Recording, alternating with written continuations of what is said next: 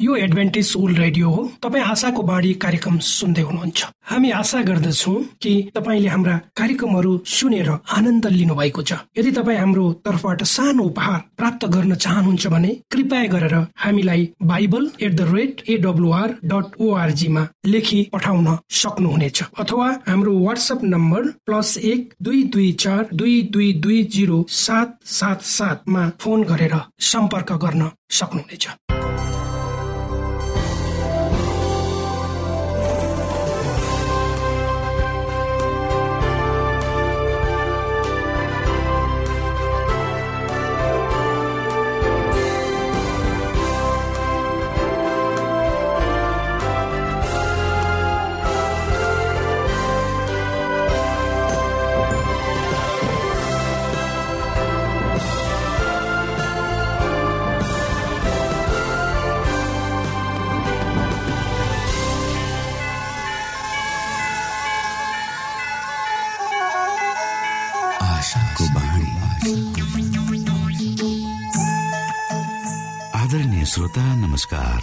समय तपाईँ Adventist world रेडियोको प्रस्तुति भोइस अफ होप आशाको बाणी कार्यक्रम सुन्दै हुनुहुन्छ।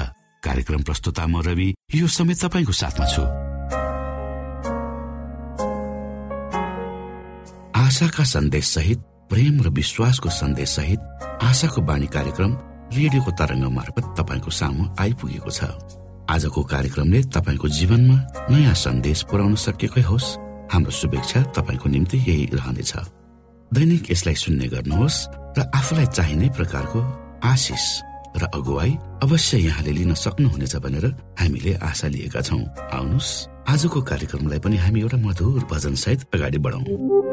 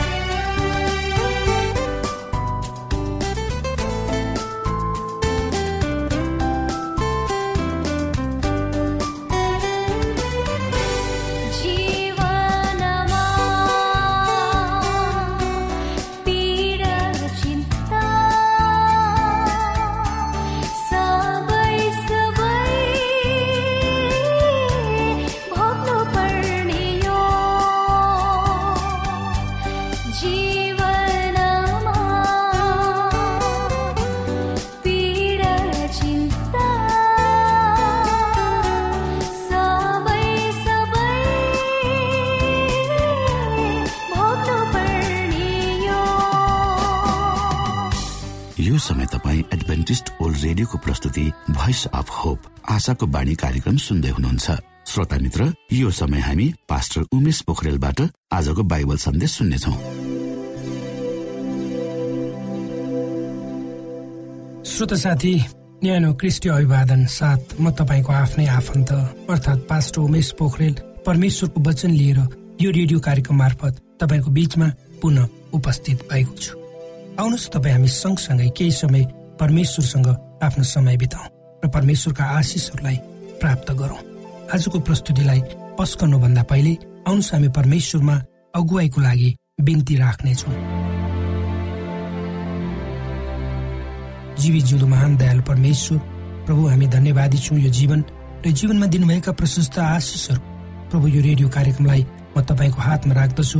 यसलाई तपाईँको राज्य महिमाको प्रचारको खातिर यो देश र सारा संसारमा पुर्याउनुहोस् ताकि धेरै मान्छेहरूले तपाईँको ज्योतिलाई देख्न सक्नुहोस् र तपाईँको राज्यमा प्रवेश गर्न सक्नुहोस्। सबै बिन्ती प्रभु यीशुको नाममा। आमेन। श्रोत साथी के तपाईँलाई थाहा छ? तपाईँको भविष्य कतातिर जाँदैछ? तपाईँको देश र देश तपाईँको देश र समाज कतातिर जाँदैछ? हामीहरू अत्यन्तै विचलित संसारको समयमा बाँचिरहेका छौँ। अर्थात् संसारको सभ्यताको अन्तिम क्षणमा बाँचिरहेका हामी मानव जातिहरू निश्चय पनि आफ्नो अनिश्चित भविष्यप्रति सशङ्कित एवं सचेत अवश्य छौँ।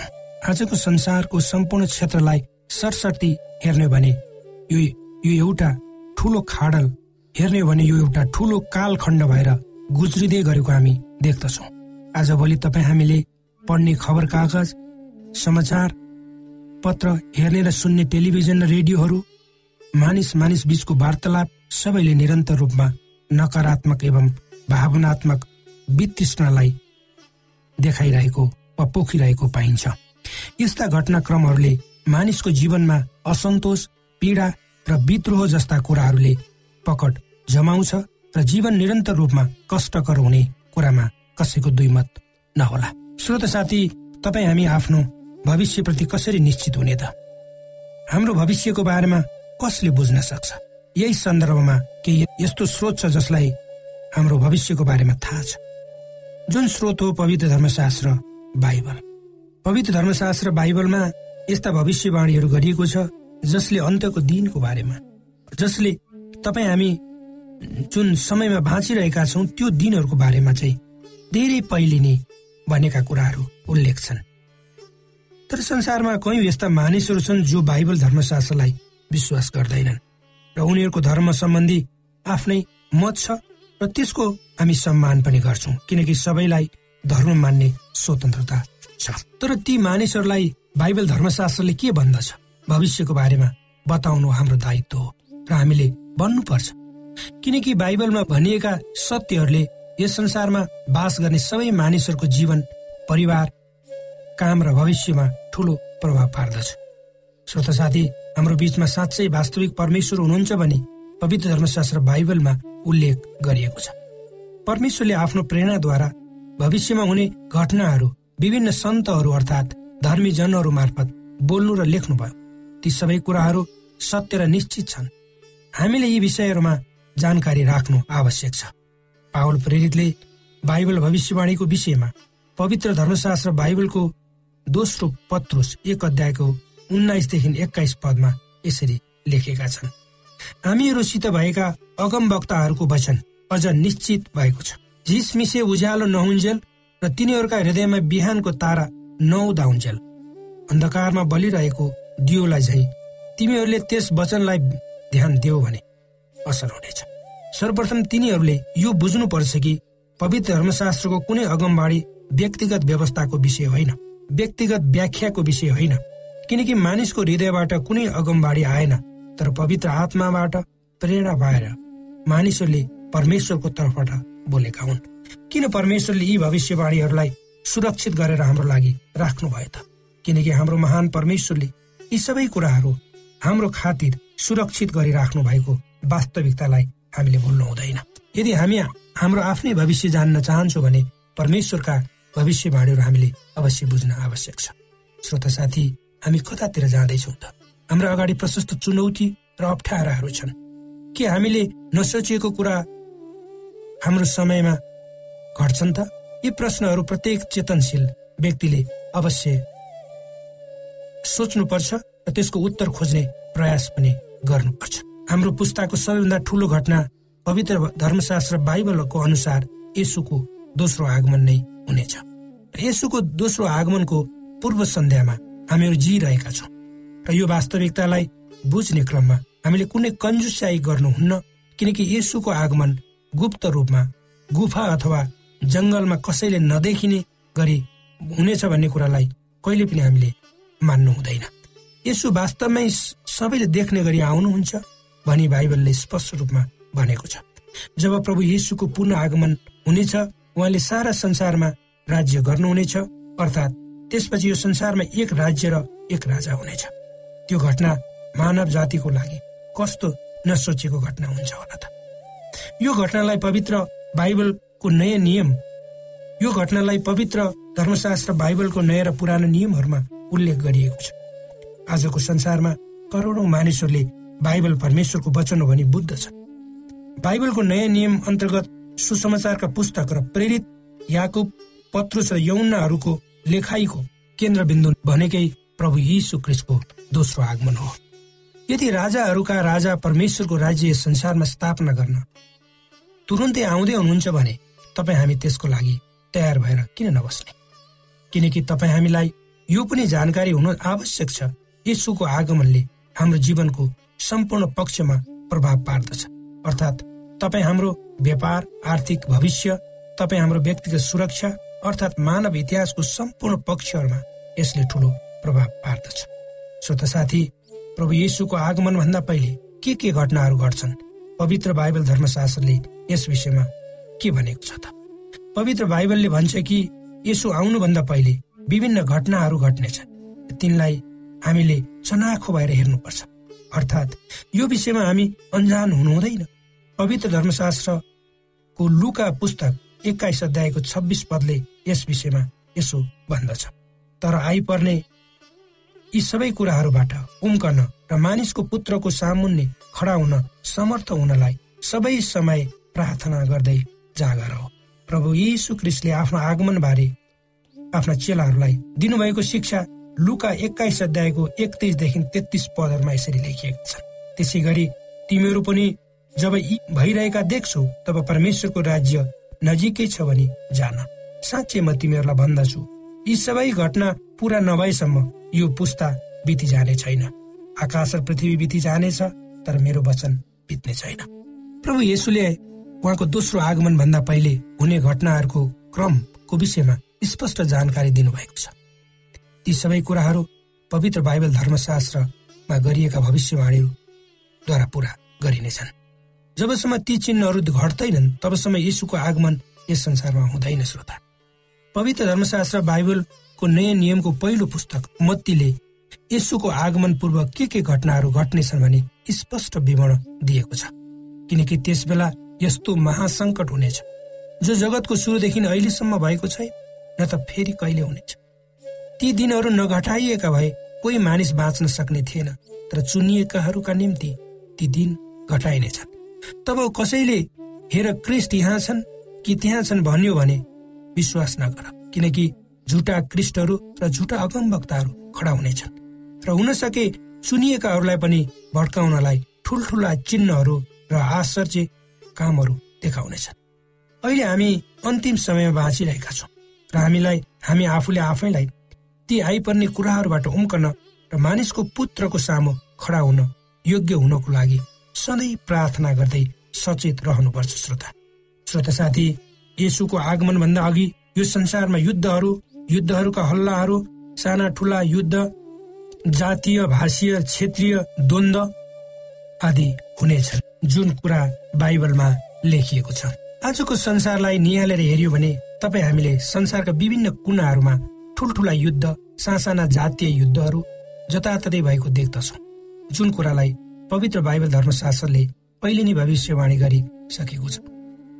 र यो पुरा हुँदैछ युद्धहरू चाहे जातीय भाषीय क्षेत्रीय एक राष्ट्र विरुद्ध अर्को राष्ट्रको किन नहोस्? सबैको नतिजा आन्दोलन हिंसा र अशान्ति नै हो जसले मानव इतिहासलाई त्रासतर्फ निरन्तर लग्दछ अथवा धकेलिरहेको छ। आजको संसारमा विज्ञान र प्रविधिको उच्च विकासको कारण मानिसहरूले यसलाई आफ्नो हित र स्वार्थको कारण आफ्नै विनाशको लागि प्रयोग गरिरहेको कुरा कसैको अगाडि लुकेको छैन। त्यसैले त संसारमा हात हतियारको होडबाजी र त्यसले ल्याएको वा ल्याउने विनाश हाम्रो अगाडि स्पष्टै छन्। त्यसकारण आज संसारमा दुष्ट कामको लागि हात हतियारको निर्माण बिक्री र प्रयोग जताततै खुल्ला खुल्लम खुल्ला भएको पाइन्छ। आज यी नै मानव निर्मित हतियारहरूले मानव सभ्यतालाई खतारामा पारेको त छ तर यसले हाम्रो भविष्यलाई पनि अन्धकारयुक्त बनाएको छ। श्रोत साथी हामीले सुन्ने समाचारहरूमा दैनिक रूपमा बम पड्किएर धेरै मानिसहरू मरेका मानव बम जस्ता र क्रूर र पाशविक तरिकाले धेरै मानिसहरूलाई एकै चियानमा बनाउने साम्प्रदायिक एवं क्षेत्रीय चाहे जाति धर्म र भाषाका नाउँमा भइरहेका युद्ध झै झगडाले कसैलाई पनि फाइदा गर्दैन। यी सबै कुराहरूले हामी र हाम्रो स्वतन्त्र पूर्वक बाँच्ने अधिकारलाई कुण्ठित गर्दछन्। र त्यति मात्र नभई यिनीहरूको प्रभावले हाम्रो भावी पुस्ता सन्तति नै काम नलाग्ने र बेकामको हुनेछन्। आज तपाईँ र हामीले आफ्नै देश र छिमेकीहरूलाई नै किन हेरौँ न। यी घटनाहरूको विषयमा हामी सहजै अनुमान गर्न सक्छौँ। र बाइबल धर्मशास्त्रले यी भनेका कुराहरू सही छन् र रहनेछन् भनी स्वत मूल्याङ्कन गर्न पनि हामी सक्छौँ। केही व्यक्ति वा संसारका राजाहरूको सोचाइ छ सक्छौँ। श्रोत साथी प्रभु येसुको दोस्रो आगमन निश्चित छ। र हामी यो संसारको इतिहासको अन्तिम क्षणमा बाँचेका मानिस उहाँ आउनुभन्दा पहिले यो संसारमा प्रकृतिमाथि ठुलो विचलन आउनेछ र पानी जति पर्नुपर्ने हो पर्ने छैन। त्यसको कारणले संसारमा सुक्खा हुनेछ जमिनबाट उब्जनी हुने छैन र जताततै भोकमरी र अनिकाल हुनेछ र भइरहेको घटना हाम्रो अगाडि लुकेको छैन। आज संसारको जनसङ्ख्या दिनानुदिन द्रुततर गतिमा बढिरहेको छ त्यसको अनुपातमा खाद्य उत्पादन बढ्न सकेको छैन। जनसङ्ख्याको वृद्धि कारणले जनसङ्ख्याको वृद्धि कारण आज प्रकृतिक प्राकृतिक स्रोत साधनहरू विनाश भइरहेका छन्। अर्थात् प्रकृतिमाथिको मानवीय अत्याचारले सीमा नागिसकेको छ र विकासको नाउँमा आज प्रकृतिको ठुलो विनाश भएको छ। हामी हाम्रै आँखा अगाडि देख्छौँ विकास हुनुपर्छ त्यो राम्रो पक्ष। तर विकास गर्दा प्रकृतिको संरक्षण पनि साथसाथै गर्नु आवश्यक छ नभए त्यसले मानव जातिमा ठुलो विनाश ल्याउँछ। यही कारणले आज संसारमा कतै पानी नै पर्दैन कतै अत्यधिक पर्छ। फेरि समयमा नपरे जुन समयमा पानी पर्नु पर्छ त्यो समय पर्दैन। जुन समयमा नपर्नु पर्ने हुन्छ त्यस समयमा पर्छ। र त्यसको प्रतिफल हामीले अगाडि बाढी पहिरो भोज्य र विनाशहरू हामीले भोगिरहेका छौँ र देखिरहेका छौँ। परमेश्वरले यी वचनहरूमा तपाईँ हामीलाई आशिष दिनुहोस् र हामीलाई उहाँको आगमनको निम्ति तयार गर्नको लागि अगुवाई गर्नुहोस्।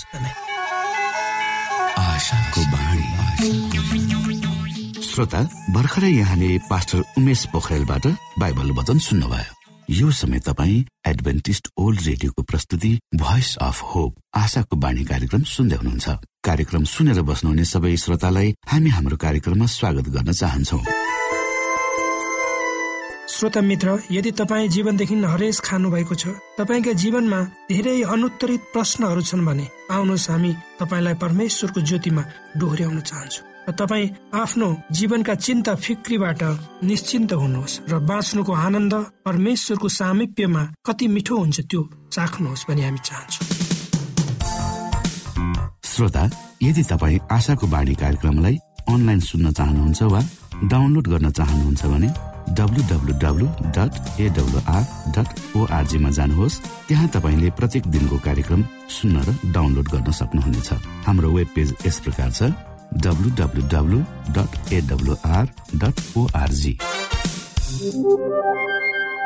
श्रोता यदि तपाईँ हामीसित सिधै फोनमा सम्पर्क गर्न चाहनुहुन्छ भने हाम्रा नम्बरहरू यस प्रकार छन्।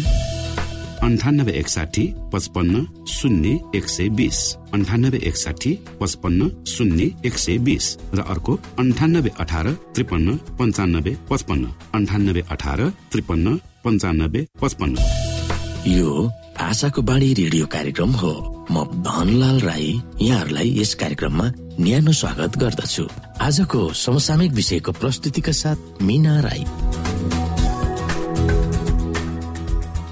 श्रोत साथी उद्देश्य प्रेरित आत्मा परिवर्तित कथाहरूमा आजको कथा बिस दुष्ट आत्माहरूले सताइएको सियु नोह दक्षिण कोरिया।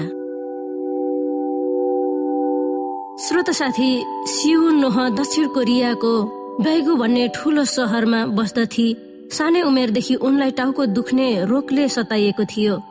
जब उनी ठुली भइन् जसो तसो गरेर उनले कलेजमा उच्च शिक्षा हासिल गरिन् अनि विवाह पनि गरिन् र सानी छोरी पनि पाइन्। तर टाउको दुख्ने रोगले सताइएको हुँदा उनलाई धेरै गाह्रो भएको थियो। उनी एकपछि अर्को अस्पतालमा जचाउन गइन् तर कुनै पनि डाक्टरले उनलाई निको पार्न सकेनन्। सियो न झाँक्री तथा टुना मुना गर्ने कहाँ गइन्? झाँक्रीले असल र खराब आत्मासँग सम्पर्क राख्दछ भनेर विश्वास गरिन्थ्यो। अघिल्लो रात भूत आत्मा बालक उनको शरीरमा पस्यो भनेर झाँक्रीले उनलाई भन्यो त्यो भूत आत्मा उनको दाजुको हो भनेर पनि भन्यो। उनको दाजु टाउकोमा चोट लागेर मरेकोले उसको आत्मा सिउमा पस्यो भनेर झाँक्रीले सम्झायो। सिउको दाजु थियो जो उनको जन्मभन्दा पहिले नै मरेको थियो। त्यसकारण आफ्नो दाजुको बारेमा उनलाई खास केही थाहा थिएन। माइतमा आफ्नै आमालाई सोद्धा उनको दाजु टाउकोमा चोट लागेर मरेको थियो भनेर आमाले भनिन्। श्रोत साथी अब के गर्ने भनेर सिउले झाँक्री कहाँ गएर सोधिन्? झाँक्रीले भने कि उनी पनि झाँक्री हुनुपर्छ र भूत आत्माद्वारा उसलाई नियन्त्रण गर्न दिइनुपर्छ। यदि उनले झाँक्री हुन अस्वीकार गरिन् भने उनकी सानी छोरी पनि भूत आत्माले सताइनेछ। सिउ झाँक्री भइन् भूत आत्माले आफूलाई नियन्त्रण गरोस् भनेर उनले सय दिनसम्म मन्त्र जप्नु पर्छ र उनले उनको श्रीमान र झाँक्री जन्मिएको पहाडमा तीर्थ यात्रा गर्नुपर्छ भनेर झाँक्रीले भन्यो। हरेक रात तीन घन्टा र हरेक बिहान दुई घन्टा मन्त्र उच्चारण गर्दथिन् र आफ्नो शरीरलाई शुद्ध पार्न प्रत्येक दिन चिसो पानीले नुहाउँथिन्। तर त्यसो गर्दा उनमाथि एक भूत आत्मा मात्र होइन बिसवटा भूत आत्माहरूले सताउन थाल्यो भूत आत्माहरूलाई पूजा गर्न उनले बिसवटा मन्दिरहरू बनाइन्। बिस वर्षसम्म उनले झारफुक गरिन्। बिरामीहरूको रोगहरूलाई निको पारिन् र मरेका आत्माहरूले उनलाई नियन्त्रण गरे। हेर्दाखेरि उनको काम असलै देखिन्थ्यो। यदि कोही पेट दुख्ने बिरामी उन कहाँ आयो भने उनलाई पेट दुखेको छ भनेर ऊ बताउँथिन्। यदि कसैको मुटु दुख्ने रोग छ भने उसको मुटु दुख्ने रोग छ र त्यसलाई निको पार्न जन्तर बाँधिदिन्थे। तन्त्र मन्त्र र झारफुक गर्थे र जोख्ना पनि हेर्थे अनि बिरामी पनि निको हुन्थे। झाँक्री काम गरेर सियोले धेरै पैसा कमाइन् तर उनी खुसी थिएनन्। उनको टाउको दुख्ने रोग त निको भयो तर उनको शरीर जताततै दुख्न थालेर मानसिक रूपमा बिरामी भएर बौलाउन थालिन्। उनी यसरी बौलाउन पनि थालिन् कि घरमा के भइरहेको छ सोको वास्ता समेत गर्न छोडिन्। त्यसले गर्दा उनको श्रीमान र छोरीहरूले उनलाई छोडिदिए। त्यसपछि धेरै पल्ट आत्महत्या गर्न पनि उनले कोसिस गरिन्। श्रोता साथी अनि एक दिन कसैले उनलाई पछाडि कारबाट ठोकिदियो। यसले गर्दा उनी एक महिनासम्म अस्पतालमा भर्ना हुनु पर्यो। यो दुर्घटनाले उनलाई अकमक्क पार्यो। अरूको भविष्य चाहिँ भन्न सक्ने आफ्नो दुर्भाग्य चाहिँ किन भन्न नसकेको होला भनेर तिनले अचम्म मानिन्। बिस वर्षसम्म मैले सेवा गरेको देवताहरूले मलाई किन बचाएनन् यदि ती देवताहरूले मलाई सुरक्षित राखेनन् भने तिनीहरूलाई मैले कसरी विश्वास गर्ने भनेर सोच्न थालिन्। तब ती बिसवटा दुष्ट आत्माहरूले पनि उनलाई त्यागिदिए अब देवताहरूलाई पूजा गर्ने मन्दिर त छैन। तर उनको जीवन खल्लो भएको महसुस गरिन् र मनमा डर लाग्न थाल्यो। उनको पूजा गरेको देवताहरू भन्दा अरू कोही शक्तिशाली देवता छ कि भनेर उनी सोच्न थालिन्। उनले सेभेन डे एडभेन्टिस महिलाले यसुको बारेमा सुनाए कि सम्झिन् अनि आफूलाई सहायता गर्न उक्त महिलासँग अनुरोध गरिन्। एडभेन्टिस महिलाले सियोनलाई एकजना अवकाश पाएको पास्टरसँग भेट गराइन्। त्यस पास्टरले उनलाई बाइबल सिकाउन थाले। जब मानिस मरेपछि के हुन्छ भन्ने शिक्षा उनले पाइन् तब आफूले त शैतानको पो पूजा गरिरहेकी रहेछु भनेर थाहा पाइन्। उनले यसुलाई ग्रहण गरिन् र सन् दुई हजार सोह्रमा बत्तिसमा पनि लिइन्। शैतानलाई उनको जीवनमा फेरि बास गर्न नदिन निर्णय उनले गरिन्। यसुले लुका एघारको चौबिसमा भन्नुभएको कुरालाई मनमा राखिन्। यसुले भन्नुभएको थियो जब मानिसबाट एउटा दुष्ट आत्मा बाहिर निस्कन्छ तब बाहिर गएर आफू बस्ने ठाउँ खोज्छ तर भेटाउँदैन अनि उसले भन्छ म जुन घरबाट निस्केको थिएँ त्यही घरमा पस्नेछु। सियोनले प्रत्येक बिहान प्रार्थना गर्छिन् र बाइबल पढ्छिन्। प्रथम पटक उनले शान्ति र आनन्दको अनुभव गर्न पाएकी छिन्। एक दिन यसुले दुष्ट आत्माहरूले सताएको मानिसबाट ती आत्माहरू निकालिदिनु भएको थियो। यसुको पछि पछि लाग्न त्यस मानिसले अनुरोध गरेको थियो तर यसुले उसलाई आदेश दिनुभयो। आफ्नो घरमा फर्क र परमेश्वरको तिमी प्रति कस्तो महान करुणा देखाउनु भएको छ सो तिमी। तिम्रो साथीहरूलाई सुनाऊ। त्यसरी नै सियोनले कोरिया भहारी एडभेन्टिज सहरमा गएर उनीमाथि परमेश्वरले गर्नुभएको करुणा र दयाको बारेमा सुनाउँछिन् र उनको कथा सुन्दा अचम्मै लाग्दछ।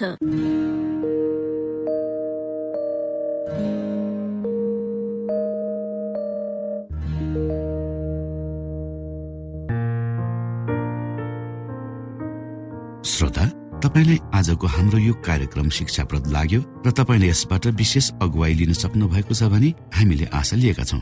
हामीसँग पत्राचार गर्ने हाम्रो ठेगाना यस प्रकार छ। आशाको बाणी पोस्ट बक्स नम्बर दुई शून्य शून्य शून्य दुई काठमाडौँ नेपाल। श्रोता यदि तपाईँ हाम्रो स्टुडियोको नम्बरमा सम्पर्क गर्न चाहनुहुन्छ भने हाम्रा नम्बरहरू यस प्रकार छन्। अन्ठानब्बे एकसाठी पचपन्न शून्य एक सय बिस। अन्ठानब्बे एकसाठी पचपन्न शून्य एक सय बिस र अर्को अन्ठानब्बे अठार त्रिपन्न पन्चानब्बे पचपन्न। अन्ठानब्बे अठार त्रिपन्न पन्चानब्बे पचपन्न। श्रोता तपाईँ हामीलाई इमेल पनि गर्न सक्नुहुन्छ। हाम्रो इमेल एड्रेस यस प्रकार छ Nepal at AWR dot org Nepal at AWR dot org यदि तपाईँ हामीलाई अनलाइन सुन्न चाहनुहुन्छ वा डाउनलोड गर्न चाहनुहुन्छ भने तपाईँ डब्लु डट एडब्लुआर डट ओआरजीमा जानुहोस् र त्यहाँ तपाईँले हाम्रो सबै कार्यक्रमहरू सुन्न सक्नुहुनेछ। हवस् त श्रोता भोलि फेरि यही स्टेशन र यही समयमा यहाँसँग भेट्ने आशा राख्दै प्राविधिक साथी राजेश आडा पास्टर उमेश पोखरेल र कार्यक्रम प्रस्तुता म रवि यहाँसँग विदा माग्दछौ। नमस्कार।